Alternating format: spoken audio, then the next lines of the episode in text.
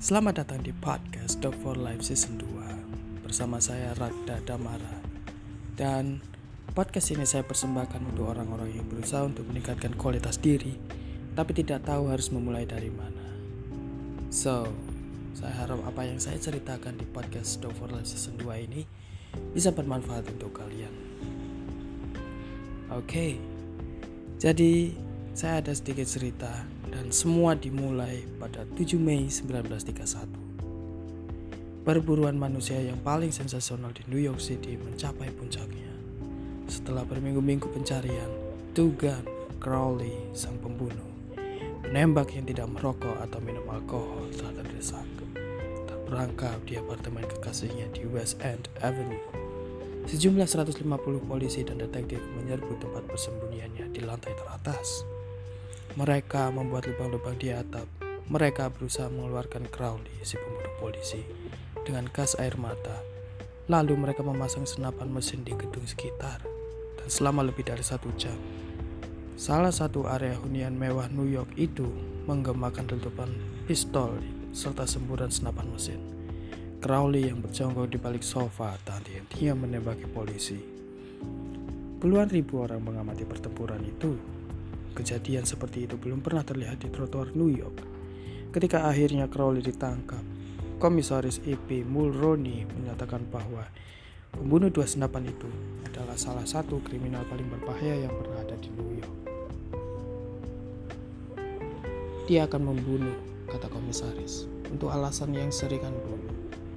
Namun bagaimana Tugan Crowley memandang dirinya sendiri? Kita mengetahuinya karena selagi polisi menembaki apartemennya dia menulis sepucuk surat yang ditujukan kepada yang berkepentingan. Dan saat dia menulis, darah yang mengalir dari lukanya meninggalkan noda merah di kertas. Di suratnya Crowley berkata, di balik penampilan luarku ada hati yang lelah. Tapi baik yang tidak akan melukai siapa pun. Beberapa waktu sebelumnya, Crowley sedang berjumbu dengan pacarnya di jalan pedesaan di Long Island. Tiba-tiba seorang polisi berjalan mendekati mobil dan berkata, "Boleh saya lihat surat izin mengemudi Anda?" Tanpa mengatakan sepatah kata apa pun, Crowley mengambil senapan dan membombardir polisi itu dengan semburan peluru sampai jatuh. Ketika polisi yang sekarat itu jatuh, Crowley melompat keluar dari mobil, merenggut pistol si polisi dan menembakkan satu peluru lagi ke tubuh yang sudah terbujur itu itu adalah pembunuh yang berkata, di balik penampilan luarku ada hati yang lelah, tapi baik yang tidak akan melukai siapa pun. Crowley dihukum mati di kursi listrik ketika tiba di rumah hukuman di penjara Sing Sing. Apakah dia berkata, inilah yang kudapatkan karena membunuh orang? Tidak. Dia berkata, inilah yang kudapatkan karena membela diri. Inti dari kisah ini, Dugan Crowley tidak menyalahkan dirinya untuk apa pun. Apakah itu sikap yang tidak biasa di antara para kriminal? Jika Anda berpikir seperti itu, dengarkan yang satu ini. Aku menghabiskan tahun-tahun terbaik hidupku memberi kenikmatan kepada orang, membantu mereka mendapatkan saat-saat yang menyenangkan, dan yang kudapatkan hanyalah pelecehan eksistensi dari seorang manusia yang dibunuh. Itu perkataan Al Capone. Ya, musuh masyarakat paling tersohor di Amerika, pemimpin geng paling jahat yang pernah muncul di Chicago. Kapon tidak mengutuk dirinya, dia menganggap dirinya dermawan, dermawan yang tidak dihargai dan disalah mengerti. Begitu pula Dutch Schultz sebelum dilumpuhkan oleh peluru gangster di Newark. Dutch Schultz, salah satu penjahat paling terkenal di New York, pada suatu wawancara surat kabar berkata bahwa dia adalah dermawan. Dia meyakini hal itu. Saya melakukan korespondensi yang menarik terkait hal itu dengan Lewis Lewis yang selama bertahun-tahun menjadi sipir penjara sing-sing yang terkenal di New York dan dia menyatakan hanya sedikit kriminal sing-sing yang menganggap diri orang jahat. Mereka hanya manusia biasa seperti Anda dan saya. Jadi mereka melakukan rasionalisasi, mereka menjelaskan, mereka bisa memberitahu Anda mengapa mereka harus membongkar lemari besi itu untuk menarik picu dengan cepat. sebagian besar dari mereka berusaha membentuk alasan yang keliru ataupun logis untuk membenarkan tindakan antisosial mereka bahkan kepada diri mereka sendiri. Dan dengan demikian, bersiteguh mengatakan bahwa seharusnya tidak dipenjara. Jika Al Capone, Dugan, Crowley, Dutch Salts, dan orang-orang berbahaya di balik tembok penjara tidak menyalahkan diri sendiri untuk apa pun, bagaimana dengan orang-orang dengan siapa saya Anda menjalin relasi? John Wanamaker, pendiri toko yang dinamai menurut namanya, pernah mengakui 30 tahun lalu, saya belajar bahwa memarahi adalah tindakan yang bodoh. Saya sendiri sudah sulit mengatasi keterbatasan tanpa perlu mengeluhkan kenyataan bahwa Tuhan seperti tidak membagi karunia kecerdasan secara merata.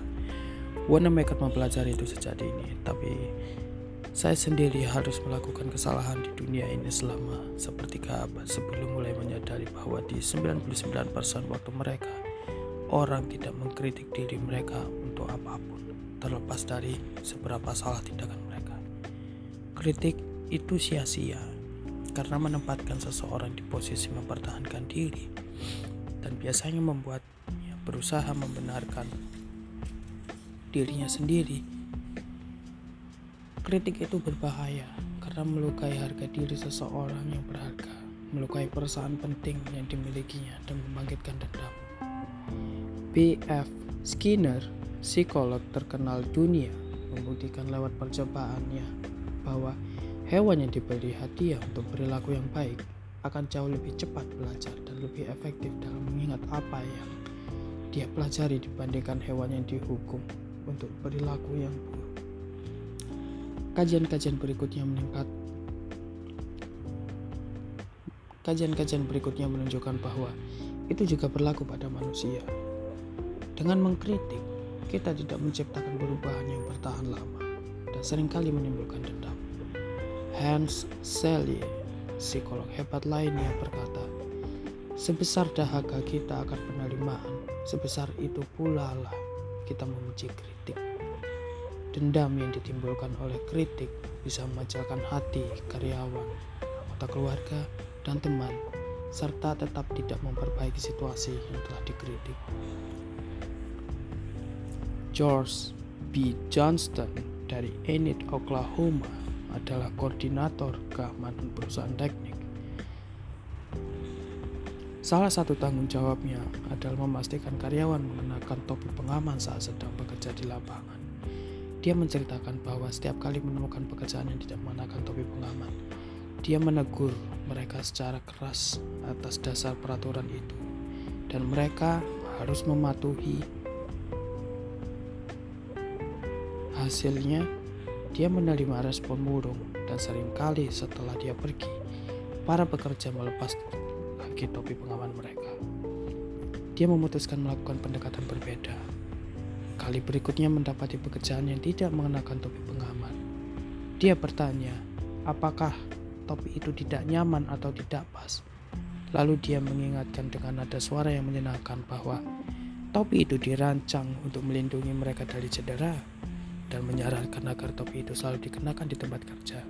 Hasilnya adalah peningkatan kepatuhan pada aturan tanpa dendam atau kekesalan emosional. Anda akan menemukan contoh-contoh kesia-siaan kritik dalam sejarah yang panjang. Misalnya saja, pertengkaran yang tersohor antara Theodore Roosevelt dan Presiden Taft. Pertengkaran yang membuat Partai Republik terpecah, menempatkan Woodrow Wilson di gedung putih serta mengukir baris-baris kalimat yang tebal dan colok di Perang Dunia I serta mengubah alur sejarah. Mari kita ulas fakta-faktanya secara singkat.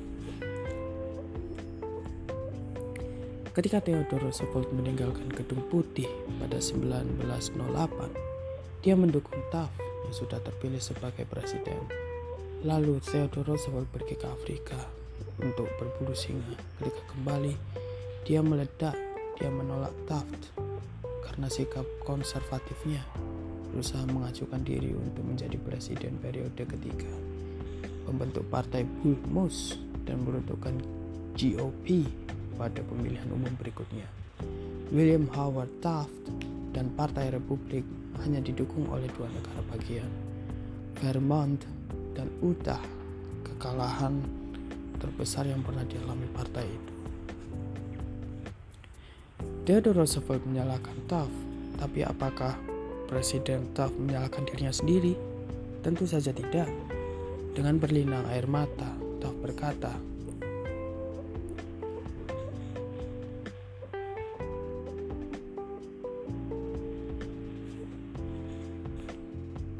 Saya tidak bisa membayangkan bagaimana saya bisa melakukan hal selain yang telah saya lakukan. Siapa yang salah? Roosevelt atau Taft? Jujur saja saya tidak tahu dan saya tidak peduli. Inti kisah yang ingin saya kemukakan adalah bahwa semua kritik Theodore Roosevelt tidak bisa memujuk Taft untuk mengakui bahwa dia salah. Semua kritik itu hanya mendorong Taft untuk membenarkan dirinya sendiri dan berucap dengan linangan air mata. Saya tidak bisa membayangkan bagaimana saya bisa melakukan hal selain yang telah saya lakukan. Atau skandal minyak tipe Dome Skandal itu membuat surat-surat kabar berteriak keras pada awal 1920-an. Skandal itu mengguncang negara dalam ingatan yang masih hidup. Belum pernah ada peristiwa itu di kehidupan masyarakat Amerika. Inilah fakta skandal itu. Albert B. Fall, menteri dari negeri di kabinet Harding dipercaya mengurus kontrak dengan cadangan minyak pemerintah di Elk Hill dan Dome cadangan minyak yang disimpan untuk penggunaan pada masa mendatang oleh Angkatan Laut. Apakah Menteri Vol melakukan lelang izin pengelolaan yang adil? Tidak. Dia menyerahkan kontrak yang kumuh dan lezat itu langsung kepada temannya, Edward L. Doheny. Dan apa yang Doheny lakukan? Dia memberikan apa dengan senang hati dia sebut pinjaman sebesar 100 ribu dolar kepada Menteri Vol. Dengan sikap sok berkuasa, Menteri Vol memerintahkan marinir Amerika Serikat memasuki wilayah itu untuk mengusir para pesaing yang sumur-sumur minyaknya dianggap menyedot minyak dari cadangan minyak Elk Hill. Para pesaing itu yang diusir dengan todongan senapan serta bayonet bergegas ke pengadilan dan membongkar skandal di Bodong. Paus skandal itu begitu busuk sehingga menghancurkan pemerintah Harding, membuat seluruh bangsa muak, mengancam kehancuran Partai Republik dan menempatkan Albert B. Fall di balik jeruji besi. Fall dikritik keras, jenis kritik yang hanya dialami oleh sedikit orang dalam kehidupan Republik.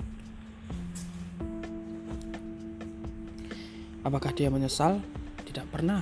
Bertahun-tahun kemudian, Herbert Hoover mengatakan dalam pidato publik bahwa kematian, kematian Presiden Harding disebabkan oleh kecemasan dan kekhawatiran mental karena seorang teman telah mengkhianatinya. Ketika Mrs. Fall mendengarnya, dia bangkit dari kursi, menangis, mengacung-acungkan tinju dan berteriak, "Apa Harding dikhianati?" Fall, tidak. Suamiku tidak pernah mengkhianati siapa pun. Rumah yang penuh emas tidak akan menggoda suamiku untuk melakukan kesalahan. Dialah yang dihianati dan diseret ke tempat pembantaian serta disalibkan. Itulah ciri khas manusia, perilaku kesalahan dan menyalahkan semua orang kecuali dirinya sendiri. Kita semua seperti itu. Jadi ketika besok Anda dan saya tergoda untuk mengkritik seseorang, mari ingat Al Capone Dugan, Crowley, dan Albert Farr. Mari kita sadari bahwa kritik itu seperti burung dara. Mereka selalu kembali ke rumah. Mari kita sadari bahwa orang yang akan kita koreksi dan kritik mungkin hanya akan membenarkan dirinya sendiri serta balas mengkritik kita atau seperti si lembut Taft yang berkata saya tidak mau saya tidak bisa membayangkan bagaimana saya bisa melakukan hal selain apa yang telah saya lakukan. Pada pagi hari 15 April 1865, Abraham Lincoln terbaring sekarat di aula penginapan murah tepat di seberang Ford Theater, tempat John Wilkes Booth menembaknya. Tubuh jangkung Lincoln terbaling, terbaring melenting, terbaring melentang di kasur yang melesak dan terlalu pendek untuknya.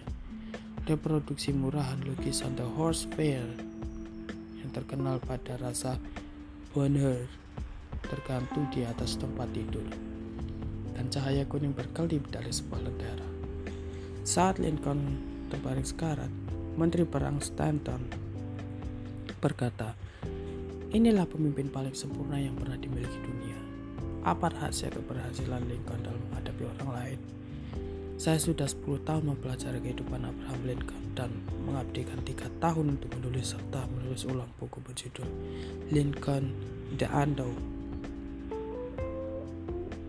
Saya yakin sudah melakukan kajian yang paling terperinci dan luas yang bisa saya lakukan tentang pri tentang kepribadian serta kehidupan rumah Lincoln. Saya melakukan kajian khusus tentang metode Lincoln dalam menghadapi orang. Apakah dia senang mengkritik? Oh ya, sebagai pria belia di Pigeon Creek Valley, Indiana, dia bukan hanya mengkritik tapi juga menulis surat dan puisi yang mengejek orang serta menjatuhkan surat-surat itu di jalanan desa. Tempat surat-surat itu pasti akan ditemukan. Salah satu surat itu membangkitkan dendam yang membalas panjang hidup. Bahkan setelah menjadi penasihat hukum yang berpraktik di Springfield, Illinois, Lincoln menyerang lawan-lawannya secara terbuka dengan surat-surat yang diterbitkan di surat kabar. Namun dia serius melakukannya. Pada musim gugur 1842, dia mengolok-olok seorang politisi yang angkuh dan agresif bernama James Shields. Lincoln mengejeknya melalui surat tak bernama yang diterbitkan di surat kabar Springfield. Surat Seluruh kota tergelar. Sils yang peka dan angkuh mendidik oleh kemarahan.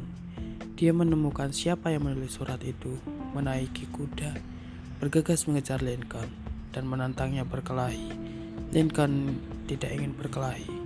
Dia menantang perkelahian, tapi tidak berkutik dan harus menyelamatkan kehormatannya. Dia diberi pilihan senjata karena memiliki lengan yang sangat panjang. Dia memilih pedang lebar pasukan berkuda dan berlatih bertarung menggunakan pedang pada seorang lulusan Akademi Militer West Point. Dan pada hari yang ditentukan, dia dan Sills bertemu di dataran pasir di Mississippi River, bersiap untuk bertarung sampai mati. Tapi pada menit terakhir, pasangan mereka turun tangan dan menghentikan pertarungan itu peristiwa pribadi yang paling mencolok dalam kehidupan Lincoln. Hal itu memberinya pelajaran yang sangat berharga dalam seni menghadapi orang.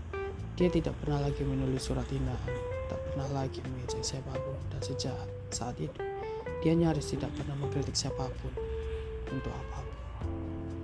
Dari waktu ke waktu selama perang saudara, Lincoln menempatkan jenderal baru sebagai kepala angkatan darat di Potomac dan tiap jenderal itu secara bergiliran McLean, Pope, Burnside, Hooker, Meade melakukan kesalahan tragis dan membuat Lincoln berjalan mondar-mandir dalam keputusannya. Separuh Amerika mengkritik keras para jenderal yang tidak kompeten itu. Tapi Lincoln yang tidak jahat kepada siapa pun berbelas kasih pada semua mempertahankan sikap damainya, salah satu kutipan favoritnya adalah Jangan menghakimi, jangan menghakimi, maka engkau tak akan dihakimi. Dan ketika Mrs. Lincoln serta orang-orang lain bicara keras tentang orang-orang dari selatan, Lincoln menjawab, jangan mengkritik mereka. Mereka hanya menjadi seperti kita ketika kita berada di situasi yang sama. Namun jika setiap orang pernah mengutuk, tentu begitu pula Lincoln. Mari kita lihat salah satu ilustrasinya.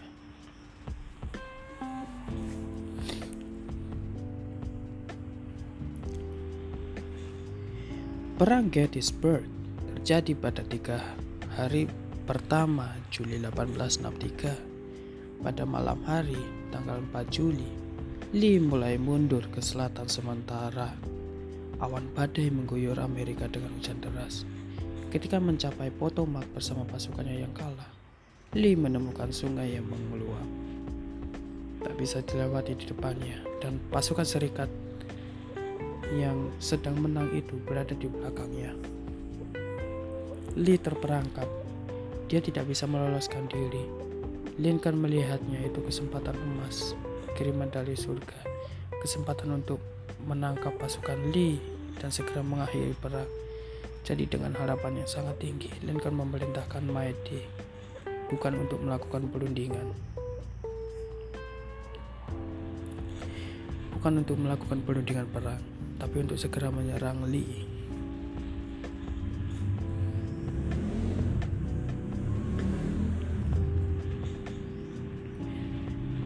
Lincoln mengirim perintah lewat telegram, lalu mengirim seorang pembawa pesan khusus kepada Maede menuntut tindakan segera. Dan apa yang dilakukan Jenderal Maede? Dia melakukan kebalikan dari tiba dari yang diperintahkan kepadanya. Dia melakukan perundingan perang dan melanggar perintah Lincoln. Dia ragu, dia menunda, dia mengirim segala macam alasan melalui telegram. Dia menolak untuk langsung menyerang Lee. Akhirnya, air surut dan Lee lolos bersama pasukannya menyeberangi Potomac. Lincoln sangat marah. Apa maksudnya?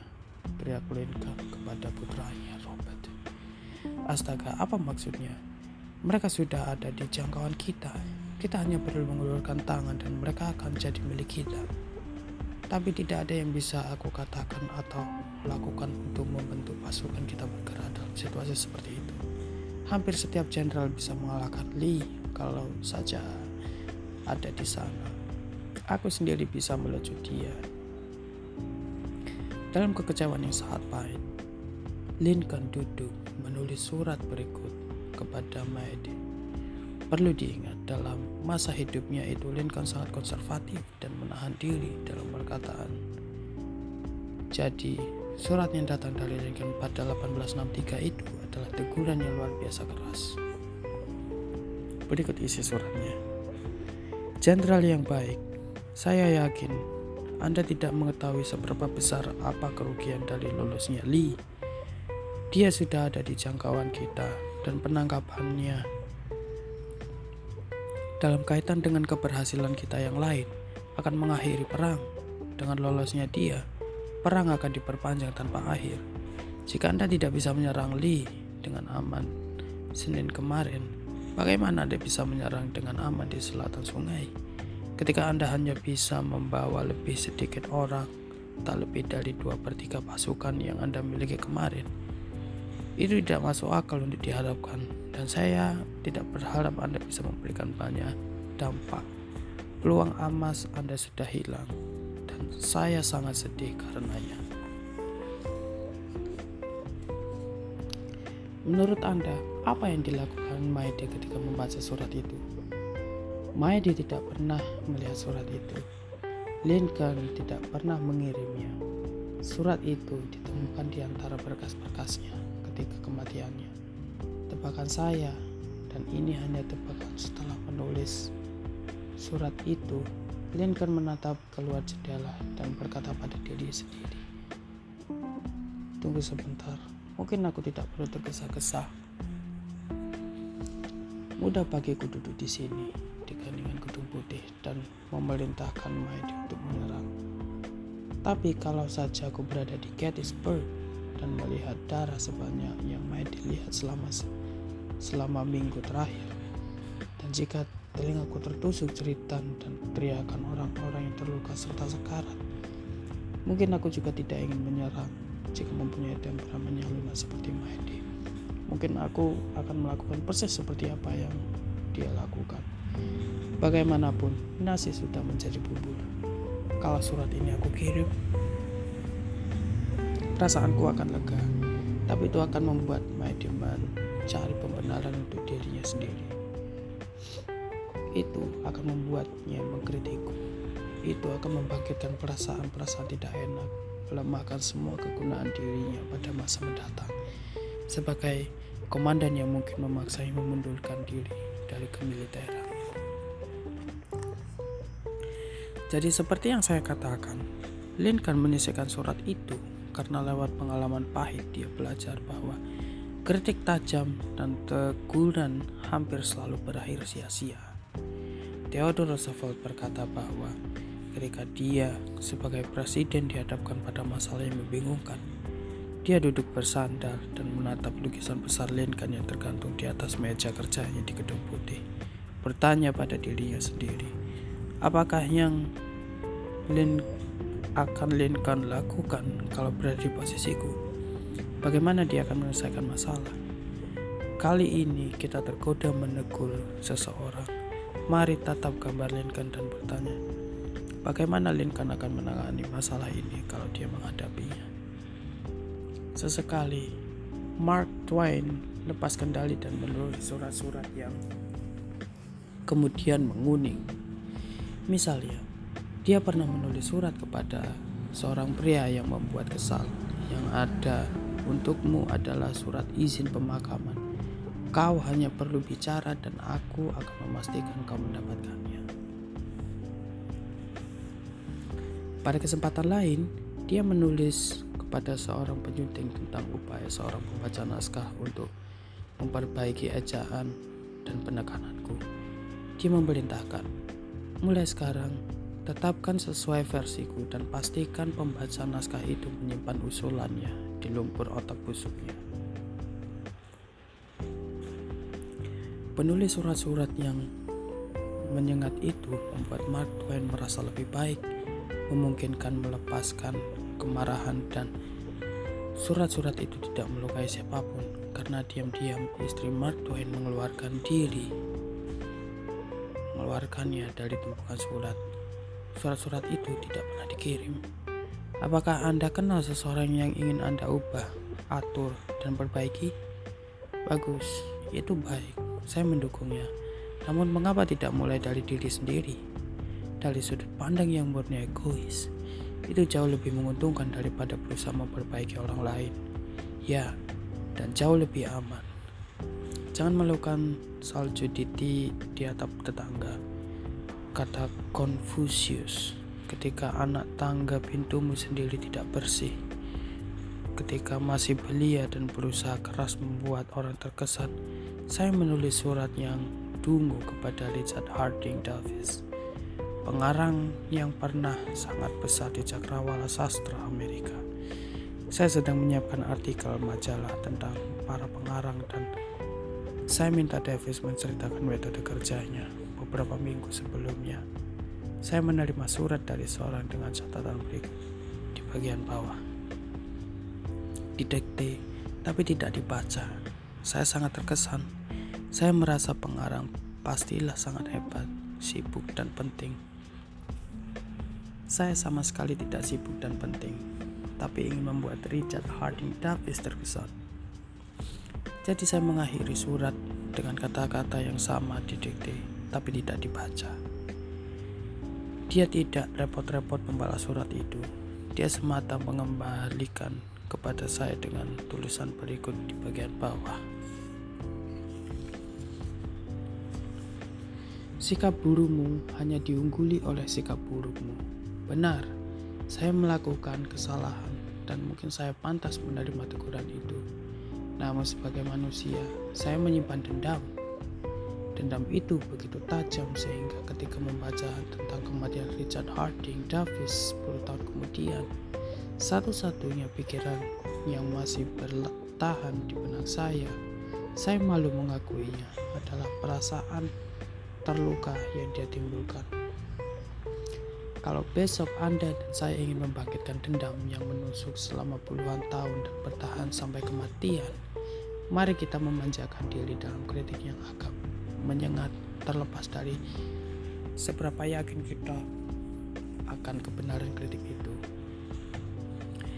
Kita menghadapi orang, mari kita ingat bahwa kita tidak sedang berhadapan dengan makhluk logika. Kita sedang berhadapan dengan makhluk emosi, makhluk yang dipenuhi prasangka dan dimotivasi oleh harga diri serta keangkuhan. Kritik yang pahit menyebabkan Thomas Hardy yang peka, salah satu penulis novel yang pernah memperkaya sastra Inggris, berhenti menulis fiksi untuk selamanya.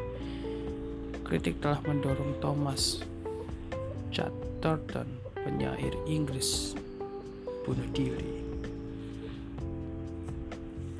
Benjamin Franklin yang ceroboh pada masa muda yang menjadi begitu diplomatis, begitu pandai menangani orang sehingga dijadikan duta besar Amerika untuk Perancis. Rahasia keberhasilannya, saya tidak bicara buruk tentang siapa pun katanya, dan hanya bicara tentang kebaikan yang saya ketahui tentang setiap orang.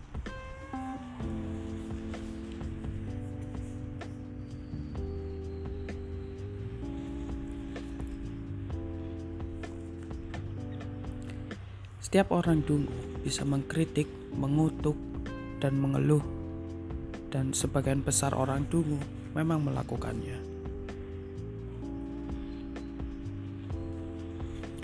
Namun diperlukan karakter dan kendali diri untuk mengerti serta memaafkan. Orang besar menunjukkan kebesarannya, kata Carl Lily. Lewat caranya memperlakukan orang kecil. Bob Hoover, pilot penguji yang sering tampil di pertunjukan udara, sedang kembali ke rumahnya di Los Angeles dari pertunjukan udara di San Diego. Seperti yang dia ceritakan di majalah Flight Operations di ketinggian 300 kaki. Kedua mesin yang mendadak berhenti. Dengan manuver yang cerdik, dia berhasil mendaratkan pesawat, tapi pesawat itu rusak berat meskipun tidak ada yang terlalu meskipun tidak ada orang yang terluka. Reaksi pertama Hoover setelah pendaratan darurat itu adalah memeriksa bahan bakar pesawat. Persis seperti yang dia duga. Pesawat propeller Perang Dunia II itu terbang dengan bahan bakar jet, bukan bensin. Ketika kembali ke bandara, dia minta bertemu dengan mekanik yang merawat pesawatnya. Pemuda itu sangat cemas dan kesalahannya dengan kesalahannya Air mata mengalir di wajahnya ketika Hoover mendekat. Dia baru saja menyebabkan hilangnya pesawat yang sangat mahal dan bisa saja menghilangkan tiga nyawa penumpangnya.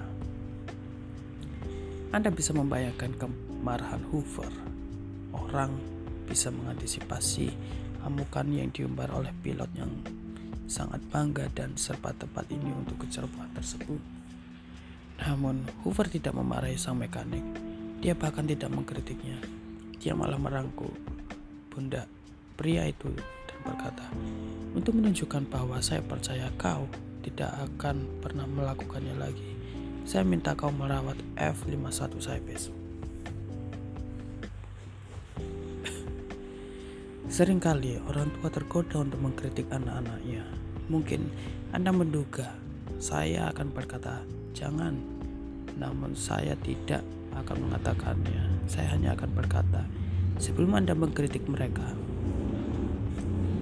bacalah salah satu tulisan kritik, tulisan klasik di jurnalisme Amerika, Father Forgets.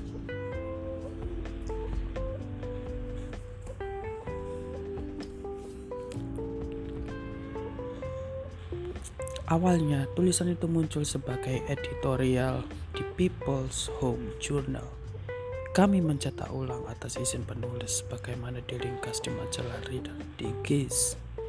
Father Forgets adalah salah satu artikel kecil yang ditulis spontan pada momen perasaan yang tulus menggema di hati.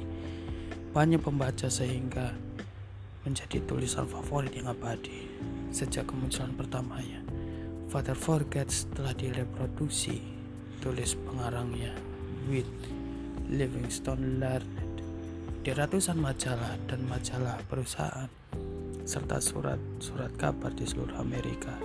Tulisan itu juga telah dicetak ulang dalam banyak bahasa asing. Saya memberi izin pribadi kepada ribuan pihak yang ingin membacakan di sekolah, gereja, serta panggung kuliah. Tulisan itu sudah mengudara di begitu banyak acara dan program. Anehnya majalah-majalah sekolah menengah atas dan sekolah lanjutan juga menggunakannya. Kadang satu tulisan kecil tiba-tiba saja mengena. Tulisan ini jelas salah satunya. So berikut tulisannya. Father forgets atau ayah lupa. Dengar nak, ayah mengatakan ini saat kau berbaring tidur. Satu telapak kecil meringkuk di bawah pipimu dan ikal pirang merekat basah di dahimu yang berkeringat. Ayah diam-diam menyelinap masuk sendirian ke kamar. Beberapa menit lalu, saat ayah duduk membaca koran di ruang baca, gelombang penyesalan yang menyesakan menerpa ayah. Dengan perasaan bersalah, ayah datang ke samping tempat tidurmu. Ada hal-hal yang ayah pikirkan. Ayah marah padamu, ayah menegurmu saat kau bersiap-siap ke sekolah karena kau hanya membasuh wajah dengan handuk. Ayah menegurmu karena kau tidak membersihkan sepatu. Ayah berteriak marah ketika kau melempar beberapa barang ke lantai. Saat sarapan, ayah juga menemukan kesalahan. Kau menumpahkan sarapan, kau tergesa-gesa menelan makanan, kau meletakkan siku di meja, kau terlalu tebal mengoles mentega di roti, dan ketika kau beranjak untuk main, dan ayah akan berangkat mengejar kereta, kau berpaling, melambaikan tangan dan berseru, dada ayah. Dan ayah mengerenyi dahi menjawab tegakkan tubuhmu. Lalu semua dimulai lagi pada sore hari. Di dekat rumah ayah melihatmu berlutut bermain gundu. Ada lubang di kaos kaki panjangmu ayah menghinamu di depan teman-temanmu dengan mendesakmu berjalan di depan ayah memasuki rumah kaos kaki itu mahal dan kalau kau harus membelinya kau akan lebih berhati-hati. Bayangkan itu, nak. Dari seorang ayah, kau ingat tadi ketika ayah sedang membaca di ruang baca. Bagaimana kau masuk dengan takut-takut, dengan sorot mata terluka. Ketika ayah menoleh dari kolen dan tak sabar menghadapi gangguanmu, kau berhenti di pintu. Mau apa? Bentakku. Kau tidak mengatakan apa-apa, tapi berlari kencang, memeluk leherku dan menciumku. Dan lengan-lengan kecilmu memeluk erat kasih yang telah Tuhan tumbuhkan dalam hatimu, yang bahkan tidak bisa layu oleh kelalaian. Lalu kau pergi, berlari kecil menaiki anak tangga. Baiklah nak, tak lama sesudah koran terlepas dari tangan ayah dan ketakutan yang sangat menyakitkan datangi ayah. Apa yang dilakukan oleh kebiasaan itu pada ayah? kebiasaan menemukan kesalahan, menegur, inikah hadiah ayah untukmu karena kau menjadi seorang putra. Ayah bukan tidak mencintaimu, ayah hanya menuntut terlalu banyak dari usia beliamu. Ayah mengukur dengan tolak ukur usia ayah, dan ada begitu banyak kebaikan, kehalusan, serta kebenaran dalam karaktermu. Hati kecilmu sebesar matahari terbit di balik perbukitan yang luas. Itu ditunjukkan oleh dorongan spontanmu untuk bergegas masuk dan memberi ciuman selamat malam. Tak ada yang lebih penting malam ini. Nak, ayah datang ke samping tempat tidurmu dalam gelap dan berlutut di situ, merasa malu. Itu penebusan yang rapuh. Ayah tahu kau tidak akan memahaminya kalau ayah menceritakan kepadamu saat kau bangun. Namun esok ayah akan menjadi ayah yang sesungguhnya. Ayah akan berteman denganmu dan menderita ketika kau menderita. Tertawa ketika kau tertawa. Ayah akan menggigit lidah ketika muncul kata-kata yang tak sabar. Ayah akan terus berkata seakan-akan itu ritual.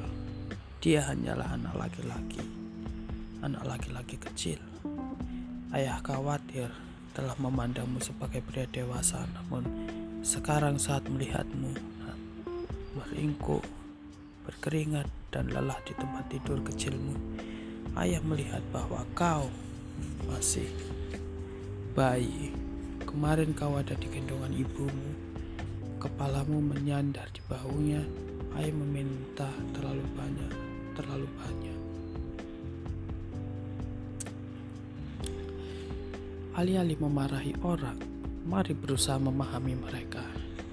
Mari mencari tahu mengapa mereka melakukan apa yang mereka lakukan. Itu jauh lebih menguntungkan dan menarik daripada kritik dan itu menemukan simpati, toleransi, serta kebaikan. Mengetahui segalanya adalah memaafkan segalanya. Seperti dikatakan oleh Dr. Johnson, Tuhan sendiri Tuhan tidak menganjurkan untuk menghakimi orang sampai akhir hidupnya. Mengapa Anda dan saya melakukannya? So,